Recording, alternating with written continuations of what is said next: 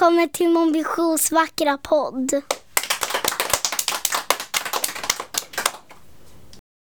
Kapitel 8 Nästa morgon gick vi upp till ett centrum direkt efter frukost.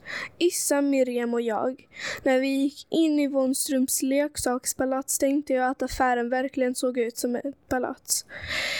Hela, hela det stora huset var fyllt av leksaker. De var så fina och färgglada. Man bara ville leka med dem. Bums! Det gick knappt att förstå att det fanns så många roliga saker i världen. Miriam verkade, verkade spänd och jag blev nervös när jag såg hur dyrt allting var. Varken Issa eller jag hade en krona, fast priserna verkade inte vara något problem. För, för köerna ringlade långa till varenda kassa. Han syns inte till, mumlade Miriam. För dig själv, vi får locka fram honom.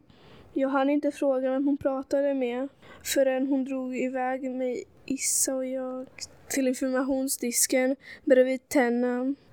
Miriam skrev någonting på en lapp och lämnade den till kvinnan bakom disken. Så viskade hon och puffade in oss bakom några stora krukväxter. Nu väntar vi. Kvinnan vid disken tog upp en mikrofon och hennes röst hördes i högtalarna. Direktor von Stum till informationen, tack, läste hon från Miriams lapp. Niklas som väntar.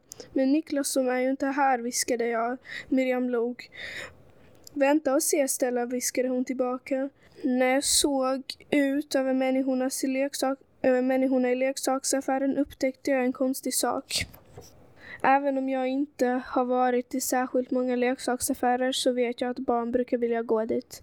Men på Stums fanns inga barn alls, förutom Issa och jag. Jo, där, sa Mariam. Om hon hade gissat vad jag tänkte pekade hon på en pojke, li lite större än Issa, som var klädd i en prydlig kostym och slips. Varför jag tystnade när Miriam tog upp en liten kamera ur kappfickan och började fotografera den prydliga pojken. Han gick snabbt och lite argt mot informationdisken. Vad menas med det här, sa pojken. Varför ropar ni på mig? Hans röst lät som en vuxens, medan kvinnan bakom disken spejade efter Miriam förstod jag den lilla, den lilla figuren i kostym var inget barn. Det var en mycket liten farbror så viskade Miriam och nu började fösa oss mot utgången. Nu går vi.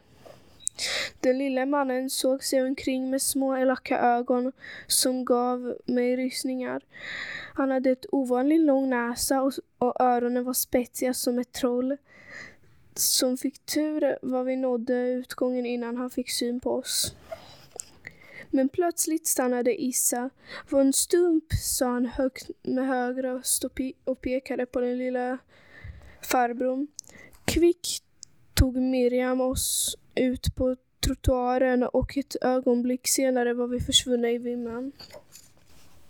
Tack till alla trofasta lyssnare. Hej då!